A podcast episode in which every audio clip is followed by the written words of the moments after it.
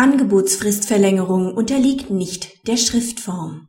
Das Schriftformgebot in 550 BGB gilt für den Abschluss des Mietvertrags, nicht aber für eine Erklärung zur Verlängerung einer Angebotsannahmefrist. Beim Abschluss eines gewerblichen Mietvertrags verlängert die beklagte Vermieterin auf Wunsch der nunmehr klagenden Mieterin die Frist zur Gegenzeichnung des Mietvertrags. Ob die von der Klägerin gegengezeichnete Urkunde rechtzeitig vor Fristablauf bei der Beklagten eingegangen ist, ist nun streitig. Die Klägerin begehrt die Feststellung, dass das Mietverhältnis auf unbestimmte Zeit geschlossen ist. Dies wird ihr vom BGH verweigert.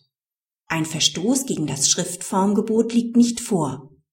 Ob der Mietvertrag rechtzeitig bei der Vermieterin eingegangen ist, ist ohne Belang. Paragraph 550 BGB fordert, dass alle wesentlichen Vertragsbestandteile aus der Vertragsurkunde ersichtlich sind. Annahme und Erklärungsfristen bestimmen jedoch nicht den Vertragsinhalt.